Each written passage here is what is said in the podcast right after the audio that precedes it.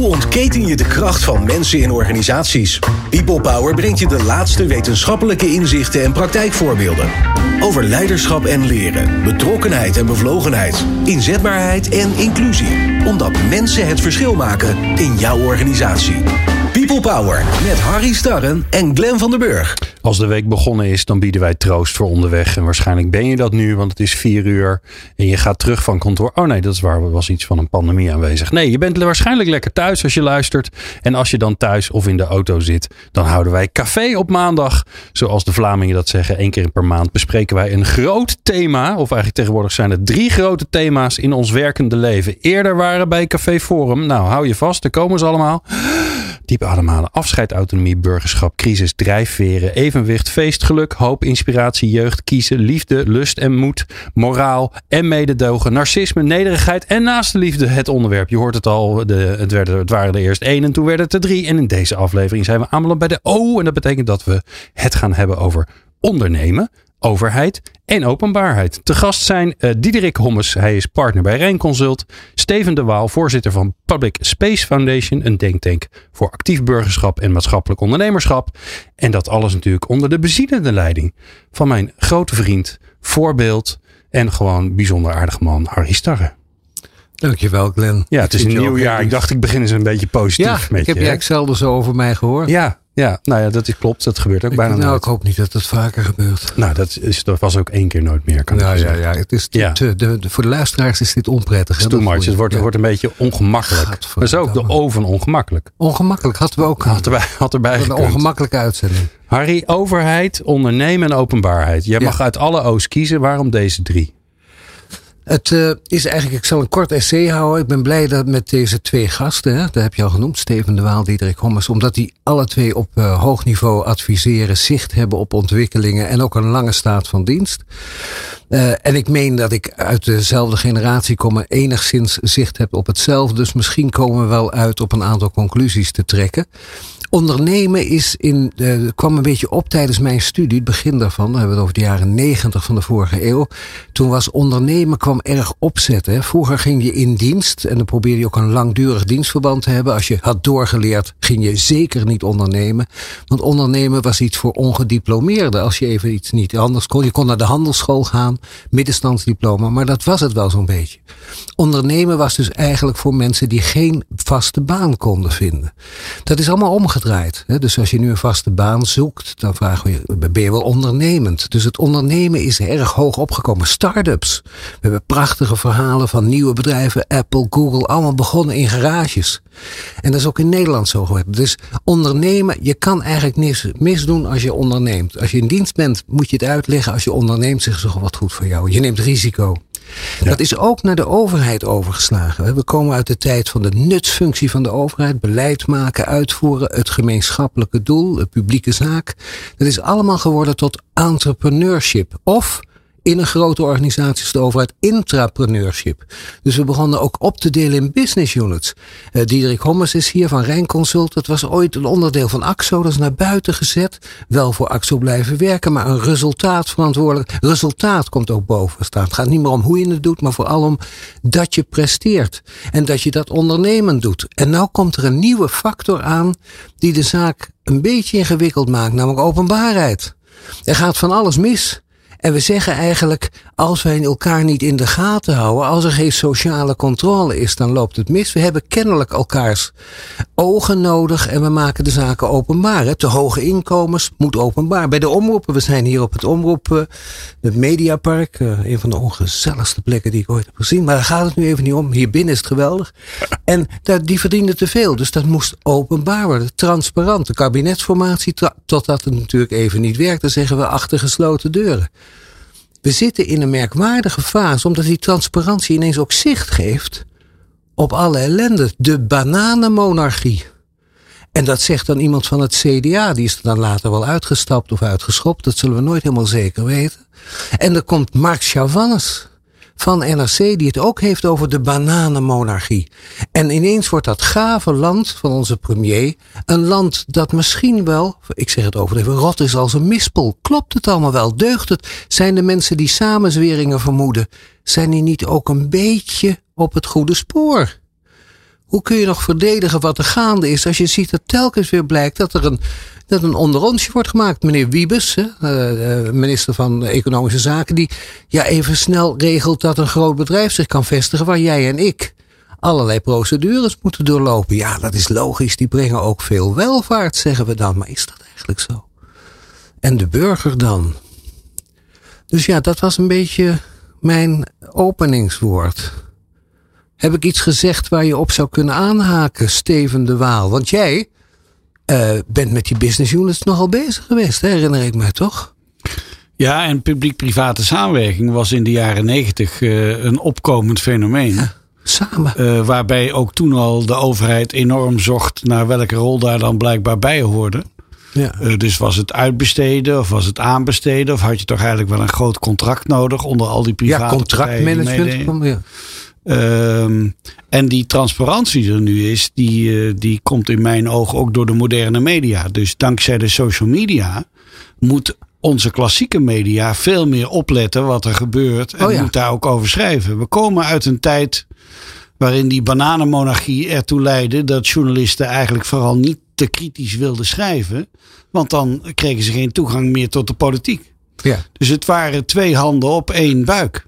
Ja. En dat is wel aan het veranderen, omdat ze dankzij de concurrentie van social media eh, net zo hard moeten melden wat ze fout vinden gaan als de social media al doen. Ja, vroeger kon je dat onder elkaar houden. Ja, ja. Dus ja, maar onder elkaar hoorden de journalisten gewoon bij. Ja, dat geldt nog wel een beetje voor de parlementaire journalistiek, is mijn indruk. Hè? Die, uh, om betrokken en verbonden te blijven, zul je toch een beetje het huisje bij het schuurtje, of hoe noem je dat? Uh, de kerk in het midden, ik weet allemaal niet hoe je dat noemt. Diederik, hoorde jij wat in dit betoog? Nou, het mooie is dat Rutger Kastrikum, die ja. heeft die is nog het, uh, het hardst aangepakt. dat is toch ja. een, een, een enfant terrible in de, in de journalistiek, die ja. zich niet aan die Haagse mores houdt, dat je een beetje netjes doet tegen de minister. Ja.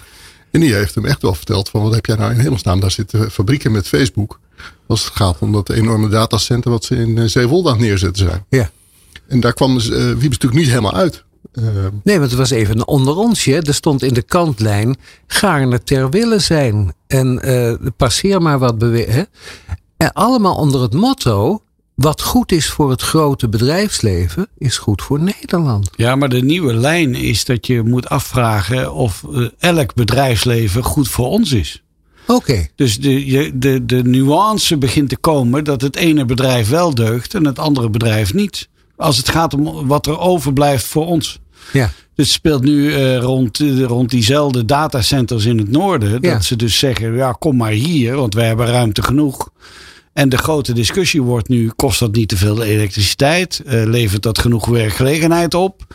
Wat hebben we er eigenlijk aan? Ja, beeldvervuiling. Dus, beeld dus de oude lijn: alle business is goed, is vervangen door sommige business is wel goed en andere niet.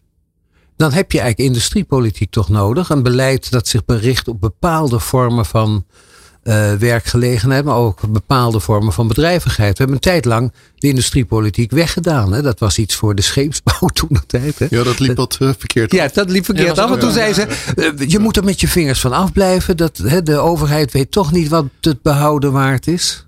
Ja, je moet ook niet de lokale overheden uh, daar uitvlakken. Die hebben uh, grondposities, die willen ze te gelden maken. Ja, alles wordt. Uh, en die denken, ja, zo'n groot datacenter of al die groothandel, die grote pakhuizen.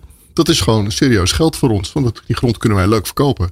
Ja. En dan dekken wij mee al die kosten. En je moet allerlei belastingen, onroerend goed belasting. Het, dus, het, het, het levert relatief veel op voor een gemeente. Misschien niet voor de, e- de economie, maar voor een gemeente is ja, het direct financieel levert het natuurlijk geld op voor de gemeente. Ja. Ik had dat laatste, was heel, heel, ik heb het toch maar gedaan, maar ik moest wel even drie keer krab op mijn hoofd. Ik eh, was aan het wandelen in een bos met mijn hond, waar het mocht, overigens. Ja, voor de goede orde. Voor de, dat het wel even duidelijk is. Ja. En daar stond een bord van het Utrechts landschap. En die, eh, die zeiden, wij willen natuur aankopen. Ja. En dan duurzaam gaan uh, zorgen dat het voor altijd natuur blijft. Ik dacht, nou, dat is een goede. Dus ik naar de website. Maar van wie kopen ze die natuur? Ja. Van de gemeente. Ja. En toen dacht ik, huh? Nou snap ik het niet meer. Dus de gemeente heeft al natuur. Ja. Maar dat is blijkbaar iets waard. Oh. En die verkoopt het dan aan Utrechts Landschap. Ja. En dat wordt betaald door particulieren. Oh, wacht. Dus je wilt het profijtelijk van de. Je hebt het waarschijnlijk ook met het oog. Dat is raar, toch? ja, dat is raar. Nou, nog het raarste is eigenlijk dat de gemeente zelf niet voor natuur kan zorgen. Nee, want dat was het probleem. Ja. Die natuur hadden ze hadden geen budget om het te onderhouden. Zodat Oh ja. natuur goed en natuur blijft. Ja, het is meer de kernactiviteit van jullie, zeggen ze dan. Hè? Ja, dus Dat is ook de eigenlijk, gedachte, toch? Eigenlijk besteed je iets uit. En je, hè, als, Ja. als een bedrijf, en dat vroeger natuurlijk ook, van wij, wij besteden Nou ja, Natuurmonument uit. is een private organisatie. En Ja. de grootste grond, eh, grondbezitter van Nederland, heb ik begrepen. Nou ja, ik, ja. Maar ik vond het heel raar. Ik dacht, nou ja, dat hebben we dan. Nou, dat is wel een punt wat achter dat eh, publiek-private samenwerking zat. Ja. En ook wel hierbij kan spelen. Ieder zijn kracht. Dat, ja, dat die private partij gespecialiseerd is in een bepaald onderdeel. En dat onderdeel eigenlijk veel professioneler en veel efficiënter kan aanpakken. eh, dan de gemeente of dan de departement. We hebben dat natuurlijk met de pandemie ook voortdurend gezien. Dat het uitvoeringskracht van de overheid niet groot is. Dus dat je andere partijen nodig hebt om iets werkelijk te realiseren. Dus jouw resultaatpunt. Dat speelt hier. Dat de gemeente gelukkig dan doorheeft dat ze zelf niet zo goed zijn in natuurzorg dan natuurmonumenten. Ja, dat- maar dan krijg je toch heel vaak Europese aanbestedingsregels. En dan moet daar eh, in concurrentie op worden eh, getenderd. nou, in dit geval En moet de dan komt er een gewoon heel- gekocht worden. Ja, maar dat moet vaak ook nog openbaarlijk worden aanbesteed. Omdat dat niet onderhands geregeld mag worden. Hè? Dankzij, Dankzij dat Europa openbaar onder- moet. ja, het moet openbaar en het moet in afweging. Slaat dat ook niet een beetje door, dat openbare? Volgens mij heeft het niet echt meegeholpen met de kabinetsformatie. Ja, maar soms zou je willen dat het gebeurde. In Groningen is een klein schandaal wat eh, zo klein is dat we het over het hoofd zien. Maar er is nogal wat grond vervreemd ondershands.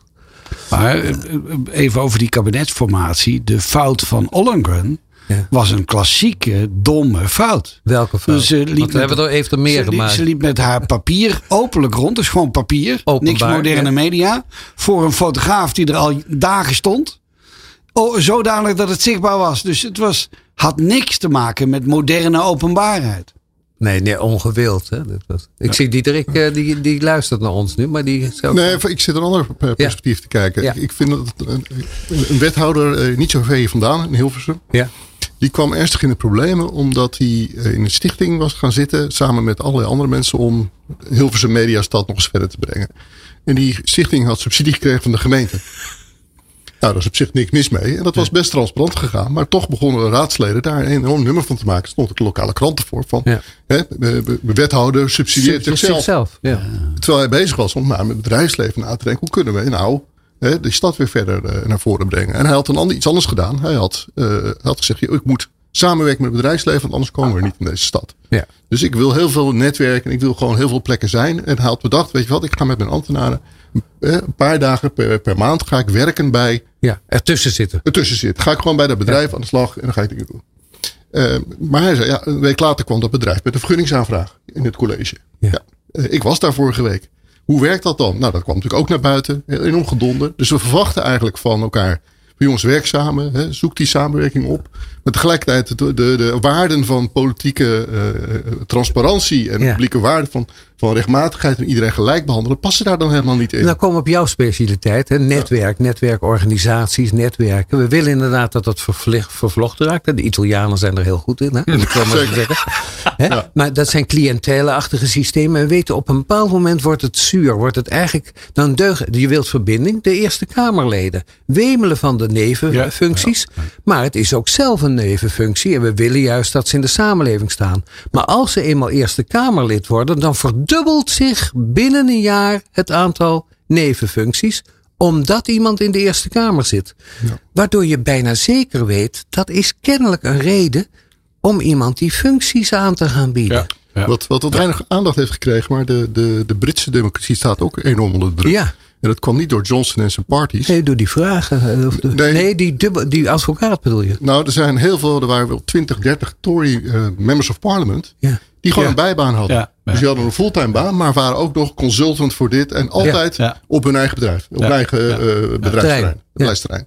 1 miljoen had er een erbij verdiend. On, onvoorstelbaar. Hoe hou je het in je hoofd? Ja. En toch gebeurde het daar Ja, en dat maar- mocht. En zelfs de wetgeving om dat te verbieden. Nou, die, nou, die hij heeft volgens mij net gehaald. Maar ook money for questions. Ze kregen eh, geld Ja. als ze bepaalde vragen. Toen zeiden ze, ja, nou ja, goed. Je kon iemand een heeft kamervraag kopen. kamervraag kopen.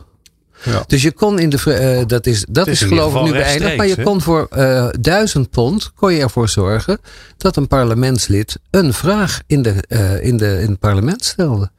We hebben het natuurlijk nu over uh, democratieën waarvan wij uh, het vermoeden hadden dat die deugden. Nou, het, is, het is subtieler in Nederland. Ja. Hè? Want wij, ja. wij, doen dat niet met geld. Maar, maar, we doen dat met jij, jij ja, krapt mijn rug en dan krap ik jouw rug. Ja, bij gelegenheid ook weer. Ja. Ik, heb, ik heb een paar keer grote internationale bureaus gesproken die proberen die concurrent, die, eh, die corruptierankings te maken. Ja. En die zeggen in onze nieuwste definities kijken we lang niet meer alleen naar dat domme cash geld nee, en zwart dat geld. is ordinair. We kijken naar of jij een positie krijgt. Ja. Dus ik heb dezelfde discussie gehad rond uh, een paar bewindspersonen uit het kabinet gingen naar lobbyposities. Werden ja. voorzitter van de Energieraad of nog wat.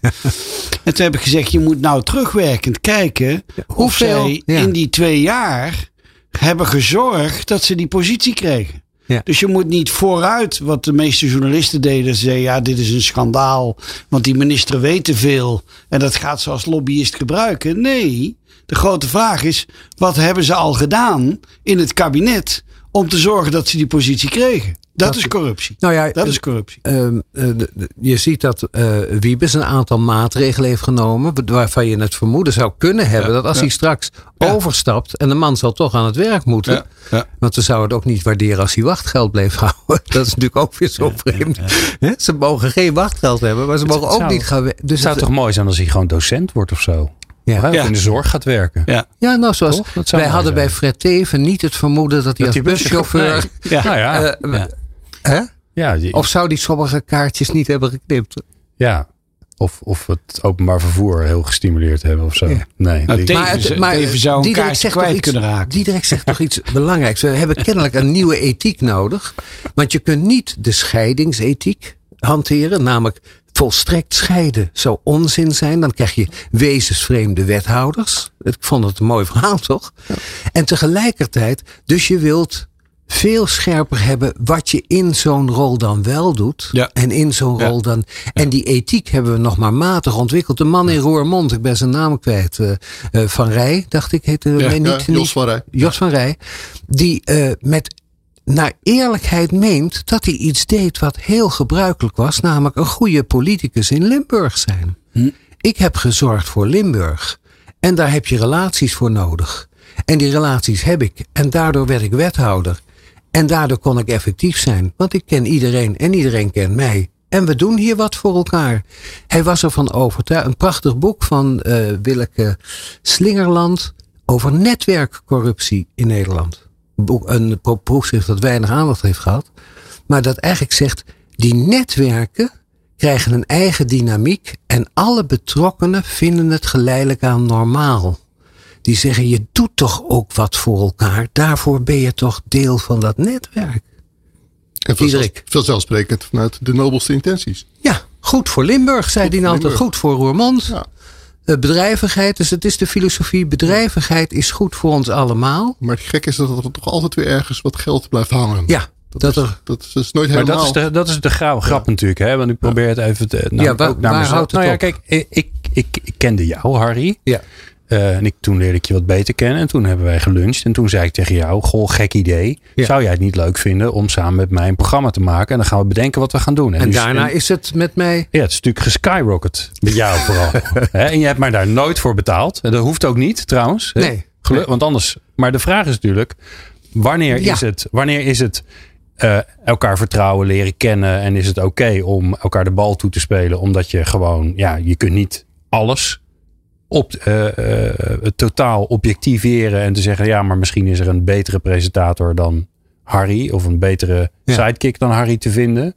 Ja, daar ga ik niet aan beginnen, moet ik je heel eerlijk zeggen. Nee, maar je voelt al, een van de criteria is: uh, um, um, doe je het openbaarlijk? Ja. Is het uh, voor kritiek vatbaar? Hè? Dus als ik het slecht zou doen, zou je dan nog doorzetten met die vriendjespolitiek? Ja, plus er is wel een verschil in netwerken als je allebei ondernemer bent, ja. freelance bent, als dan wanneer je een publieke functie hebt. Dus als er een, een wethouder, verhouding is. Een wethouder die namens een gemeente moet zorgen dat het goed gaat voor alle burgers is de vraag of je daarin wil dat die wethouder daar uh, persoonlijk wat aan overhoudt.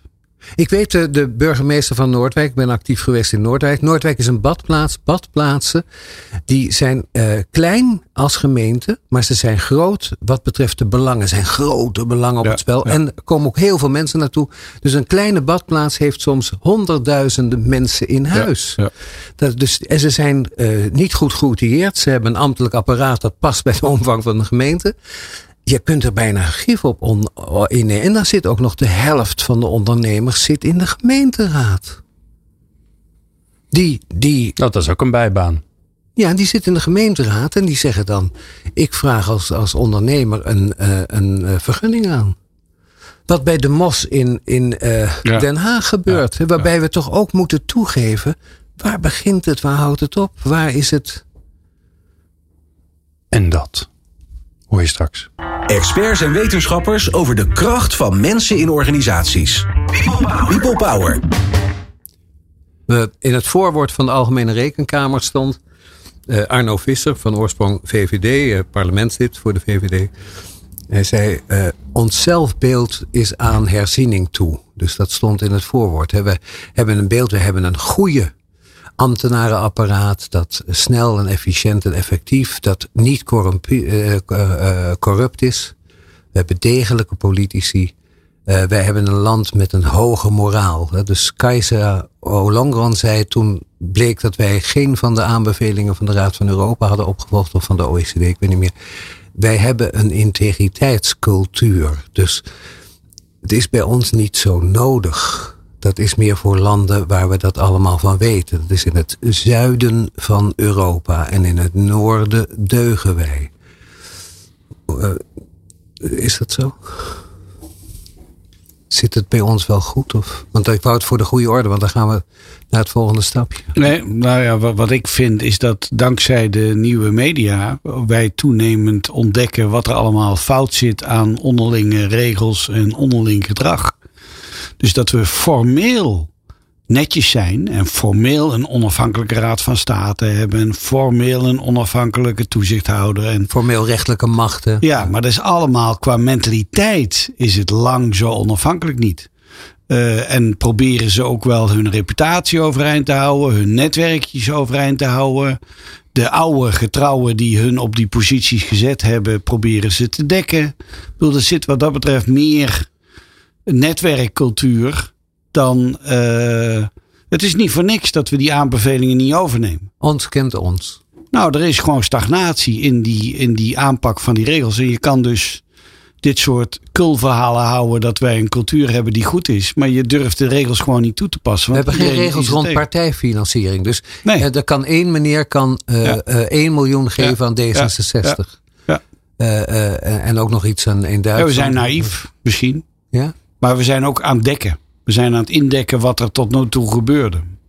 Daar maar, zijn we niet openbaar. Diederik? Nou, het, het curieuze is dat we diezelfde social media en die, die, die hitte van de pers de, ook tot traag gedrag leidt bij ministers. Ik, ik ben ervan overtuigd, ik kan het niet bewijzen, ja. dat zo'n Wiebes zo op Facebook is gaan helpen. Omdat we net Shell kwijt waren geraakt, Unilever kwijt waren ja, geraakt. En hij geeft leiding aan de club ambtenaren die mensen hebben. We moeten wat binnenhalen. We moeten wat binnenhalen. Laten we Facebook. Nou, hoe groter wil je het hebben in ja. Nederland, in de wereld? Laten we die binnenhalen. Ja. Die hebben een stukje de Niet ingewikkeld doen, zei hij bijna tegen die ambtenaren. Precies. Pak de, onderneem. Pak, pak de kans. kans. Straks krijgen we het verwijt dat we Facebook niet hebben toegelaten met al ons bureaucratische gedoe. En dan gaan we een beetje rommelen, want eigenlijk is het een volstrekt zinloos construct. We hebben ja. daar grote uh, serverparken staan. Ja. Hebben we geen moer aan. Er werken vijf mensen. Ja. Op 24 uur. Ja, vooral beveiligers volgens mij. Beveiligers. Ik bedoel, er gaat eens een keer een server kapot. Nou, die moet dan gerepareerd. Er werkt verder niks in de toelevering, want er worden geen broodjes gegeten. Het kost waanzinnig veel energie. Het levert ook heel veel warmte op. Kunnen we nergens kwijt. Want nee. die warmte, dat had Wiebes er wel bij gezet. Wat doen we ja. met de restwarmte? Dus, dus ja, die, die, kun je niet kwijt. Want je hebt er nee. maar uh, 7000 nee. woningen. En je hebt genoeg om Amsterdam te verwarmen. Ja.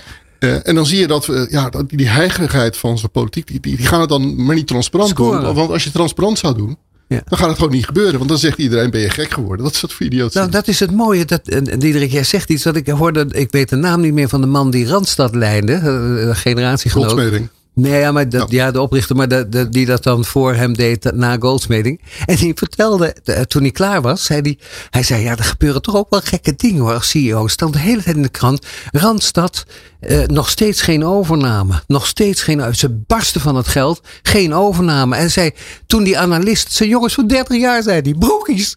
En, die, maar die bleef maar schrijven, barsten van het geld, geen overnames, geen visie, geen ondernemerschap. Hij zei, de eerste jaar liet ik het naast me. Tweede jaar, maar het derde jaar verdroeg ik het ook zelf niet meer. Dus je heb je die druk ook op CEO's van.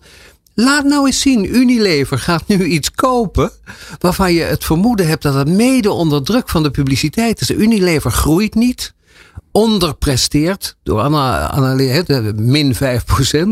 En na Polman, dus ze hadden even, Polman was niet goed genoeg, maar de volgende kan het in de beelden van die eh, aandeelhouders ook niet. En gaat nu iets kopen waarvan de pers nu zegt: dit gebeurt onder druk van diezelfde pers. Hmm. Wat jij nu zegt. Interessant, zou de, zou het bedrijfsleven ook niet naar hun eigen ethiek kunnen kijken? Want wat we bespreken met elkaar is ook zoals het bedrijfsleven zaken doet met elkaar. Dat gaat ook een beetje ons kent ons. Ja. En joh, ik help jou, dan help je mij. En ja, gaat kun je wat voor me doen? gaat niet altijd over de zakelijke en de centjes, maar ook gewoon gun ik je wat. Ja. En, um, dat is ik zou zeggen bijna altijd en soms niet. Ja, ja. ja soms niet. Zeg ja. ja. toch? En, en, en dat is natuurlijk de ethiek die je meeneemt in je gesprekken met de gemeente. Want dat verwacht je dat op dezelfde manier te mogen doen. Of met de overheid. Zeg ook, kan ik dat vragen we van elkaar. Kan ik jou eens bellen en dan kan ik even regelen. En dat, dat is wat, wat ze dan doen. En Facebook heeft natuurlijk het telefoonnummer van Mark Rutte. Ja. En, en, en zo'n burgemeester is diep onder de indruk. Maar je zou ook aan, het bedrijfsleven kunnen vragen. Kunnen we dat ook niet aan ze vragen? Van, ja, maar joh, snap ook even de rechtsstatelijkheid van de overheid. Nou, dat rechtsstatelijke ga, ga, daar, ga daar eens een beetje netjes mee om. En, ja. uh, doe dat niet. Wees je bewust dat dat een andere situatie is. Andere rationaliteit, andere verantwoording, publiek geld.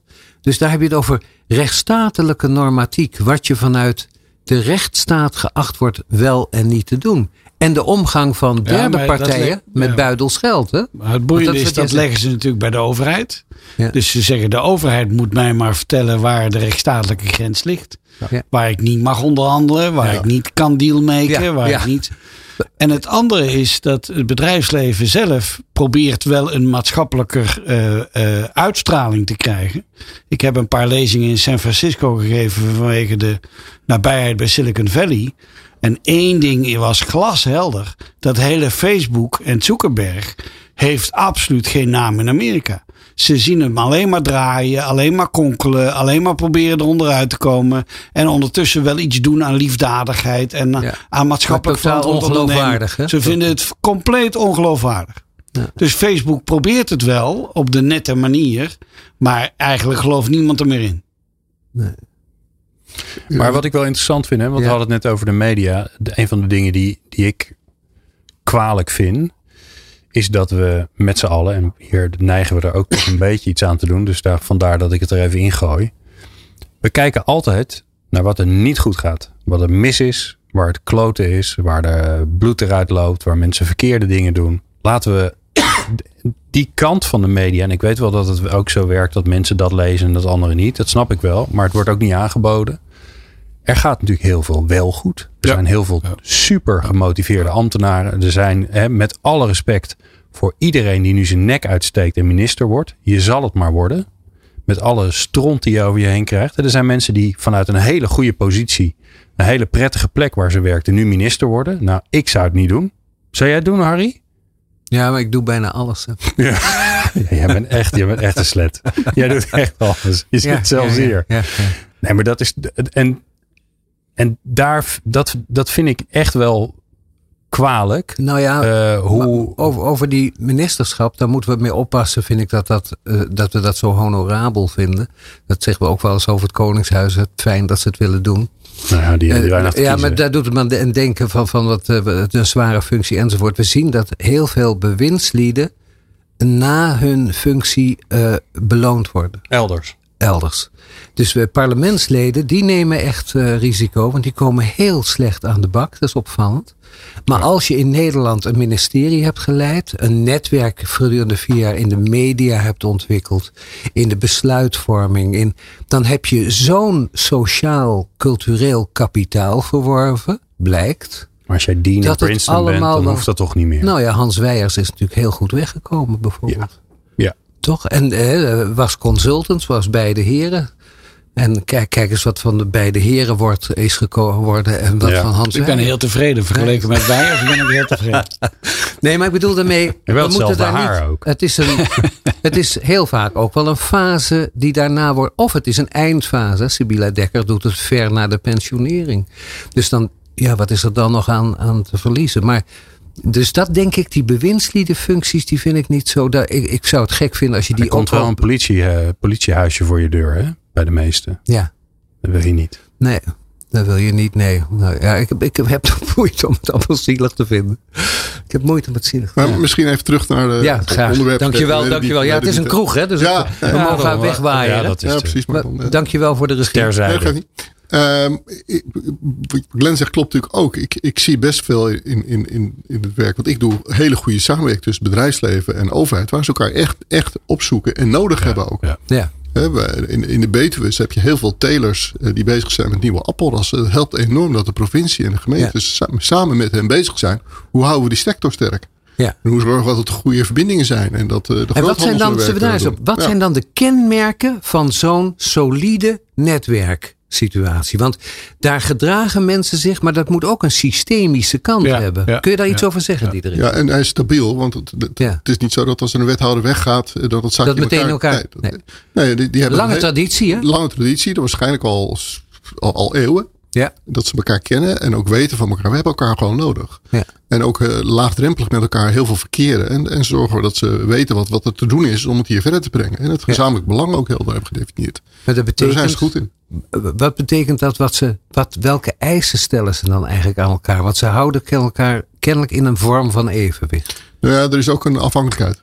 Afhank. Dus er moet afhankelijkheid zijn. Ja, maar een erkenning daarvan. Dat is het probleem. Ja, dat ik, we... ik kan zonder jou niks bereiken. Nee, ja, en, en uh, de, de publiek-private samenwerking is gebaat bij werkelijke partnership. Dat je werkelijk doorhebt wat de ander goed kan en jij niet. En wat jij goed kunt en de ander niet. En dan moet de gemeente ook weer ervan op aan dat de, uh, het boerenbedrijf dat wordt gesteund.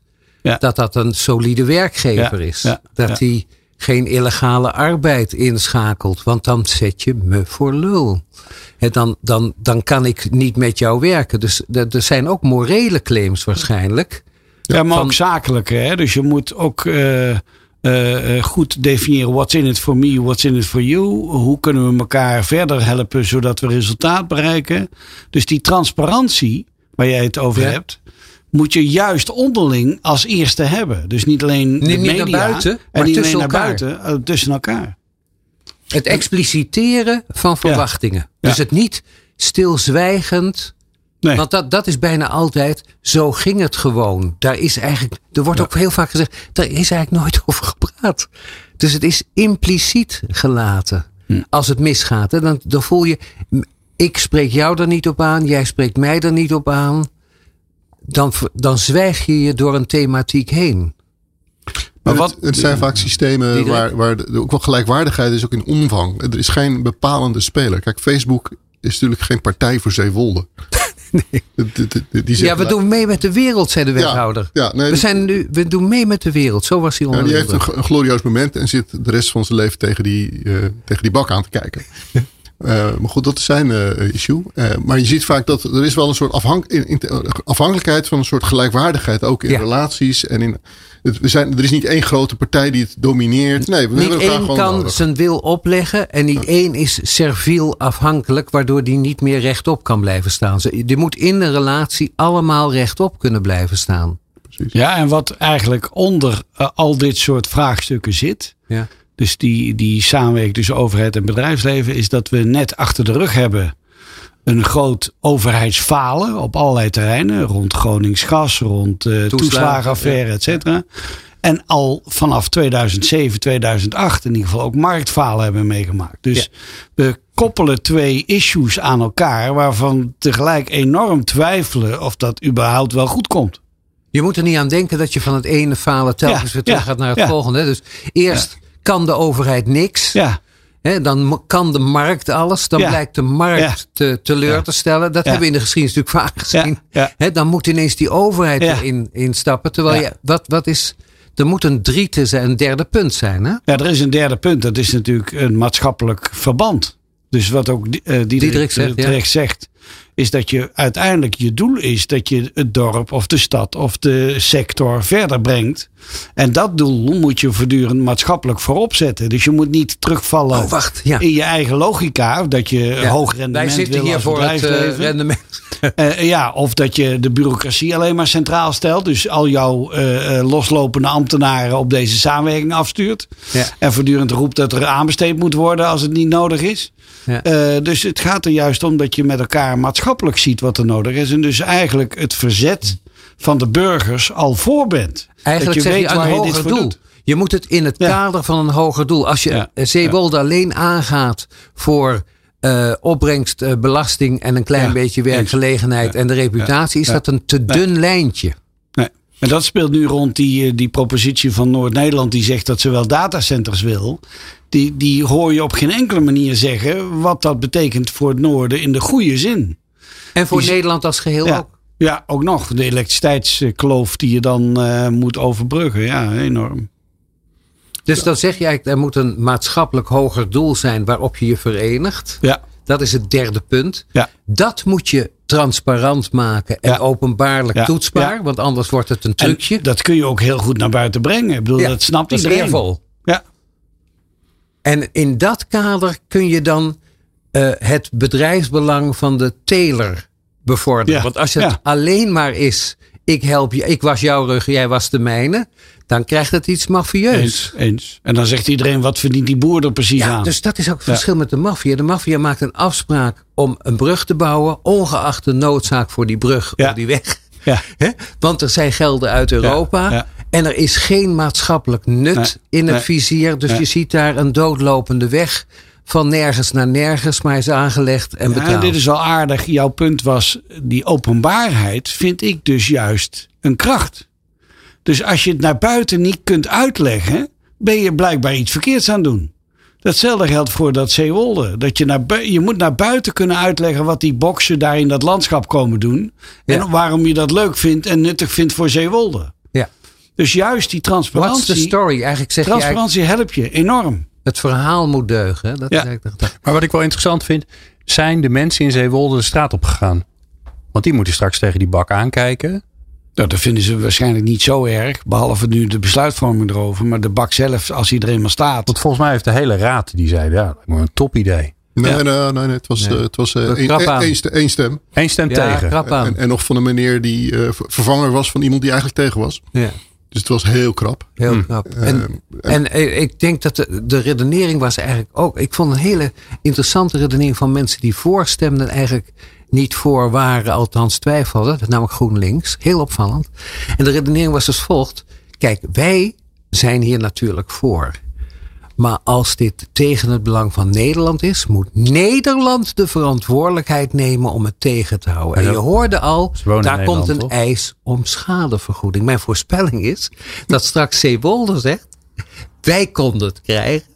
Ja, ja, we doen het niet. maar want- we doen het Ja, niet ter wille van Nederland. Nou moet Nederland aan Zeewolde de schade. Maar dat is echt, ik geloof erg dat we ook in zo'n samenleving zitten. Waarin je in zekere zin zegt, wij hebben gewoon GroenLinks gewoon gezegd, voor ons goed. Wij zien ook wel dat in het grotere plaatje er misschien reden voor twijfel is. Maar dan moet het grotere plaatje over de brug komen.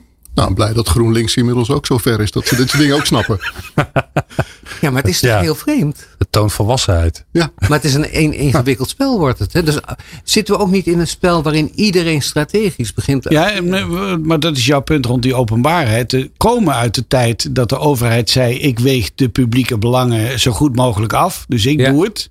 Eh, al dan niet in overleg en in binnenkamertjes, maar ik doe het. Het is vertrouwd. En de moderne tijd is dat je het in openbare discussie en dialoog met ook de burgers rechtstreeks, niet alleen met de gemeenteraad, moet uitonderhandelen. Mag je Alle zeggen belangen dat, dat moeten worden Zeeland is een teken van een vitale democratie? Ja. Misschien moet je het, Ja. moet je eigenlijk zeggen, daar, de, vroeger werd dat klakkeloos door de elite geregeld. ja. Nee, dat, is, dat vind ik dus het mooie. Dat die moderne media en die moderne cultuur leidt in mijn ogen tot een versterking van democratie. Ja, Niet tot de- een verzwakking. Het publiceren van Ja. issues. We worden Ja. allemaal politici. Hè? Ook op het internet. We zijn allemaal. Je kunt roepen, iedereen heeft een mening. Maar het, het leidt wel tot meningsvorming. Je kunt niet zeggen dat we onze onverschillige Nee, samenleving. dus we hebben geen onverschillige het, In die samenleving. zin eh, is het de ouderwetse elite die klaagt over openbaarheid. Ja. En over Iedereen loopt er transparantie. maar- ja. En iedereen die maar een mening heeft. Die hebben het gewoon niet door waar we zijn inmiddels. In zekere zin is het spel een beetje uit voor de mensen die het vroeger onder elkaar konden spelen. Ja, ja eens. Is het zoiets? Maar ik vind dat jullie hebben de sociale media wel, de moderne media wel heel erg op hoor. Ja, Volgens mij zit Ja. ook daar een klein gedeelte van de maatschappij, die zit daar heel erg zichzelf te roeren. En een groot gedeelte van de maatschappij is gewoon ha- hard aan het werk en zijn kinderen aan het Maar opvoeden. dat gold toch ook voor de kranten met een klein plukje Ja, journalisten? Ja, Nou, je zou hier op het Mediapark zittende moeten zeggen: waarom zitten de mensen die belangrijk zijn op social media in eh, ronde tafels te praten over iets waar ze helemaal geen verstand van hebben? Nee. Maar ze zijn dus uitgenodigd door de klassieke media, omdat ze blijkbaar bekend zijn. Mag ik dan de Dus aandacht de voor, social voor media hebben een agenda vormende taak naar de klassieke media. Ja, maar dan, dan komt eigenlijk nu de democratie aan de orde, toch? Ja. We hebben toch en dan zie je iemand zoals David van Rijbroek. Jullie zullen. Dus de, het zoeken naar hoe krijgen we nu een vitale, moderne, Ja. Op netwerkvorming gebaseerde democratie. Ja. Kun je daar iets over zeggen? Wat, Ja. Nou ja, wat is daar wat- aan de hand? Nou ja, die, die, die, die Van Rijbroek die heeft dan die G1000-methodiek. hè, Dat je, Ja. je heel veel mensen uitnodigt. En dat hebben we ook wel eens gedaan. Bij loting ook wel? Nou ja, we hebben gewoon het, eh, het eh, bevolkingsregister gepakt. Hebben we Ja. gewoon elke derde At man- random, ja. Het random elke derde hebben we uitgenodigd. En dan hadden we 3000 mensen uitgenodigd. En eh, verwachtingsvol hadden wij eh, koffie gezet enzovoort. Ja. kwamen 30 mensen opdagen. Ja.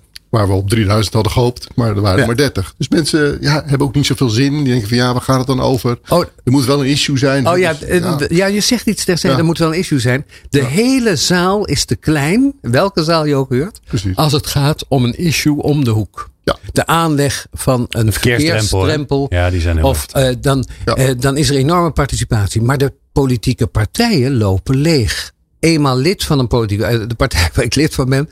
Als ik daar verschijn op een vergadering, zit ik bij de tweede vergadering, al, sta ik al op de lijst voor de gemeenteraad. Dus het, het selectieve karakter van die partijen is over. Want zo'n beetje iedereen die daar komt, die doet iets. Die heeft een belangetje in de politiek. Die zit in de gemeenteraad of wil in de gemeenteraad. Of is schaduwlid en wordt in de gemeente. Dus het is al lang niet meer politiek actieven die... als Nou, het hobby- aardige vond ik zelf van de laatste beslissingen en keuzes van Kaag. Ja, Dat hij laat zien hoe het nu in de moderne media zit. Want ik heb dus als voorbeeld Trump. Ja. Die eh, werd geweigerd door de Republikeinse Partij. De eerste keer dat hij Gaat buitenlangs.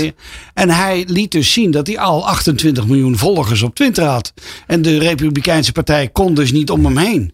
En ik zie dus Kaag nu hetzelfde doen. Ze neemt mensen die bekend zijn, die status hebben, die eh, invloed hebben. Ja. Die haalt ze naar binnen. Die geeft ze nog even snel het lidmaatschap van D66. Ja, voor de goede orde. bewindspersoon worden. Dus ik zie Kaag nu precies doen wat de moderne politieke partij moet doen. Namelijk je plukt goede mensen van eh, de media die daar naam hebben.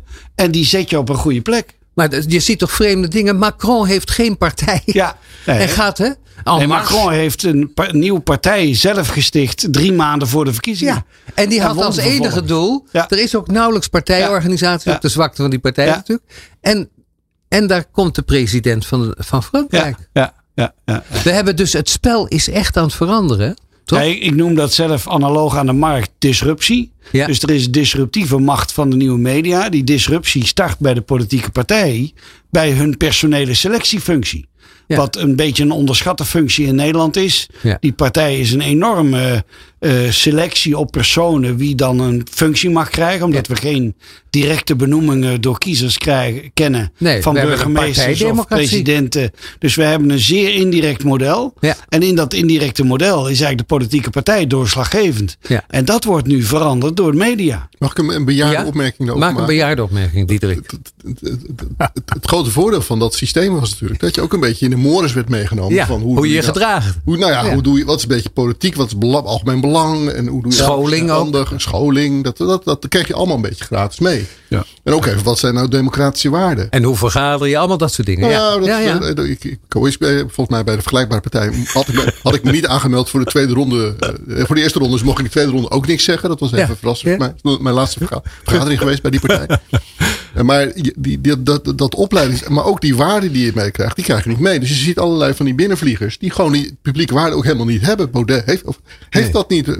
Trump heeft dat niet. Ho- hoewel ja, onderschat niet wat die daar aan partijvorming doen. Ja, Hè? Want we hebben ja. scholingsbijeenkomsten Ja. die druk bezocht worden enzovoort. Ja. Maar je zou ook maar kunnen dat zeggen... dus- dat zijn om te leren. Forum voor Zit er iets Democratie in- was een tijd lang de grootste politieke partij Politieke qua partij, de leden. meeste leden. Ja. Dus eh, die, waar heel veel enthousiasme was, waar veel, hè, er werd veel gedronken en gefeest en gedaan. Ja, en waar- gedaan. waar nou, probeer dat maar eens te vinden bij een politieke partij. Ze waren lid van de partij. Maar is een vereniging? Ja, Ja. vereniging, dat forum wel. Ja, de- zij hebben wel. PVV is al die tijd oké. de eenmanspartij geweest. Wilders is dictator van zijn eigen partij. Maar St- Steven, dan zou je met dat beeld van disruptie kunnen zeggen, altijd een beetje makkelijk, overgangstijd. Dus dat we te maken hebben met het zoeken van nieuwe regels rond netwerken. Daar Ja. hadden we het net over. Ja. Van Ja. wat doe je nog wel, wat doe je niet? Waar wordt het dubieus? Welk gedrag? Dan heb je onder andere openbaarheid, een hoog maatschappelijk doel, gelijkwaardige partijen. Niet één die dominant is, want dan speel je een spelletje. Ja, ja. Dan word je te afhankelijk. Dat is over netwerken. Ja. En nu heb je het over disruptie. En dan zeg je eigenlijk, er komt een nieuw politiek systeem ja, aan. eens. eens. Welk systeem doen we Ja, dat is ook zo boeiend. Dat de, deze, deze politiek denkt nog referenda te kunnen afschaffen. Terwijl de moderne media leidt ertoe dat we elke dag Voortdurend over alles een referendum houden. En nog erger, de politiek moet zich daar dus ook van alles van aantrekken. Ja, ze Ik kunt, zie- kan daar niet aan Dus onderweg. ik zie juist aan Rutte heel goed dat hij kijkt voortdurend naar wat wordt er over mij gezegd op de verschillende media. ja. Ja, en het nadeel is natuurlijk dat het een referendum is waarbij er maar een klein deel aan Ja. stem is. Maar Eens. dat is natuurlijk voor een altijd wel zo geweest. Nee, maar als je dus zolang je het nog wil afschaffen, ga je dat niet regelen. Nee. Dus je moet juist omgekeerd, dat hoort bij disruptie, dat je leert Je moet het dat gaan hoe je het referendum voortaan beter regelt. Ja, en dat je erin weet te act, ermee Ja. om weet te Ja. gaan. En jij zegt Ja. eigenlijk, Kaag doet dat door buitenom Ja, de juiste Kaag mensen. doet Dus- het keurig. Heel ja, goed. en, en kennelijk eh, pikken D66 dat. Die hebben dan Ja. in het veld lopen plakken en Ja, folderen. want in, in klassieke, in klassieke concurrentietermen is dat natuurlijk vrij dodelijk. Dus dan dacht je net minister te worden, Doe dan je je komt er een buitenvlieger binnen. Ja. Dus het is wel knap, het is wel slim. Slim. Ja. Ja. Waar gaan we naartoe? Afrondend. Waar gaan we naartoe? Als het gaat om ondernemen, overheid, openbaarheid, wat doemt erop? Afrondend. Wat zie je ontstaan? Diederik, wil je een poging wagen? Ja, ik ben nooit zo pessimistisch. Ik ben een ongelooflijk optimist. Ik denk dat het goed komt. Ja. Ik geloof nooit zo'n disruptie. Ik Nee. nou, Nou, bedankt. Nieuw, nieuwe nieuw evenwicht. Er komt een nieuwe. er komt altijd weer een tegenbeweging en dan eh, trekt het zich weer een beetje recht. En, eh, dus ik ben altijd een gematigd mens daarin. Eh, kijk, overheid en bedrijfsleven in Nederland hebben we natuurlijk dat de geschiedenis die al honderden jaren teruggaat. Wij, wij zijn dat gewend eigenlijk. En soms gaat het even helemaal fout. En dan gaan we naar nieuwe evenwicht. En dan gaan we weer even zoeken van hoe willen we het eigenlijk. Maar dat, dat evenwicht is er al. Dat voorbeeld wat ik net noem, dat, dat gaat eigenlijk ook voortreffelijk. En joh, doe het, doe het Oké, het is een beetje wat Glenn zei. Er gaat zoveel goed op dit terrein. Waar we, we zijn bedreven in, hè, noem het polderen, eh, nieuwe polderen of het eh, eeuwige polderen. Wat in de Betuwe gebeurt. Ja. Wat in de visserij toch ook heel vaak goed gaat. Totdat het de zaak belazert in Europa. Maar er zijn dus wat ontsporingen. Maar over het algemeen komen wij in Europa altijd wel goed weg. Als het de landbouw en de visserij betreft. Daar zijn we wel bedreven in. Is het zoiets? Het valt wel mee, zegt iedereen. Nou, ik, ik ben eh, ook net zo optimistisch. Alleen ik ben meer strategisch getraind. Dus je moet wel tijdig zien aankomen hoe de wereld verandert. En dat was dus ook de reden waarom ik Kaag wel een compliment geef voor hoe ze dit heeft opgelost. Ze verstaat de tijd. En net zoals ik dus vrij dom vind dat je eh, laat zeggen dat het referendum niet nodig is. Dan ben je echt gewoon achterlijk. Ja. Eh, en het, het goede nieuws is dus dat we, eh, dat je, we praten er nu in algemene zin over. Maar wat je toenemend zult zien is dat het concrete samenwerking in deze streek, in deze sector, met dit probleem, hangt af van de juiste personen op het juiste moment. Dus de, de grote eh, eh, ding wat ik positief zie aankomen is de nieuwe generatie. Die veel beter geleerd heeft hoe je met elkaar samenwerkt, hoe je dat een beetje transparant doet, hoe je met moderne media omgaat. Dus ik, het komt al goed in die ja, nieuwe... precies. Het komt goed door de nieuwe jeugd. Zou je de nieuwe in, generatie. in ironie maar, maar, ja. Nou ja. misschien daar nog opvullend. Volgens mij hebben we ook wel door dat het soms toch best handig is om regels te hebben dat we ook gewoon doorgaan. Bedoel, dat, dat Europa nu eindelijk eens een keer een besluit lijkt te gaan nemen over van goh, we moeten die, die macht van die grote jongens gaan, gaan, inperken. Eens, ja. Eens. En, en, dat hebben jongeren ook door. De jongeren denken van ja, ga dat dan maar doen. Uh, neem er gewoon stevige besluiten. Ook als het om milieu gaat. Dwing gewoon maar even af als overheid. Dat mag ook. Ja, maar je kunt dus wel op Europa leunen voor big tech. Daar ben ik helemaal mee eens. Want Nederland is veel te klein om überhaupt big tech aan te pakken. En heeft het ook niet gedurfd. Uh, maar dan hoort er ook bij dat je wel accepteert als Europa zegt dat jij een beetje corrupt bent. Ja, dat, dat, wij krijgen die berichten en dan zeggen we bemoeien er niet mee. Dat, ja. Zo gaan we niet nee. weg. Je zou ook kunnen zeggen, Ooit zei Rutte, en dat was een beetje populair in die tijd, we geven Nederland terug aan de Nederlanders. En dat je eigenlijk nu moet zeggen, dat is aan het lukken. Ja. Dus ja. dat je zegt niet the empire strikes back, nee. but society strikes back. Eens. Dus dat het positieve is, is mensen laten het zich niet gebeuren. eens. En, en, met die mooie uitsmijter komt er een einde aan dit programma waar we nog uren door hadden praten. Want dat was nogal een onderwerp. Um, heren, bijzonder dank dat jullie er waren. Diederik Hommes van Rijnconsult, Steven de Waal van Public Space Foundation. En natuurlijk fijne vriend en collega Harry Starre. Dankjewel Harry, tot over een maand weer. En jij natuurlijk ongelooflijk dank voor het luisteren. Meer afleveringen vind je op peoplepower.radio en jouw favoriete podcast app.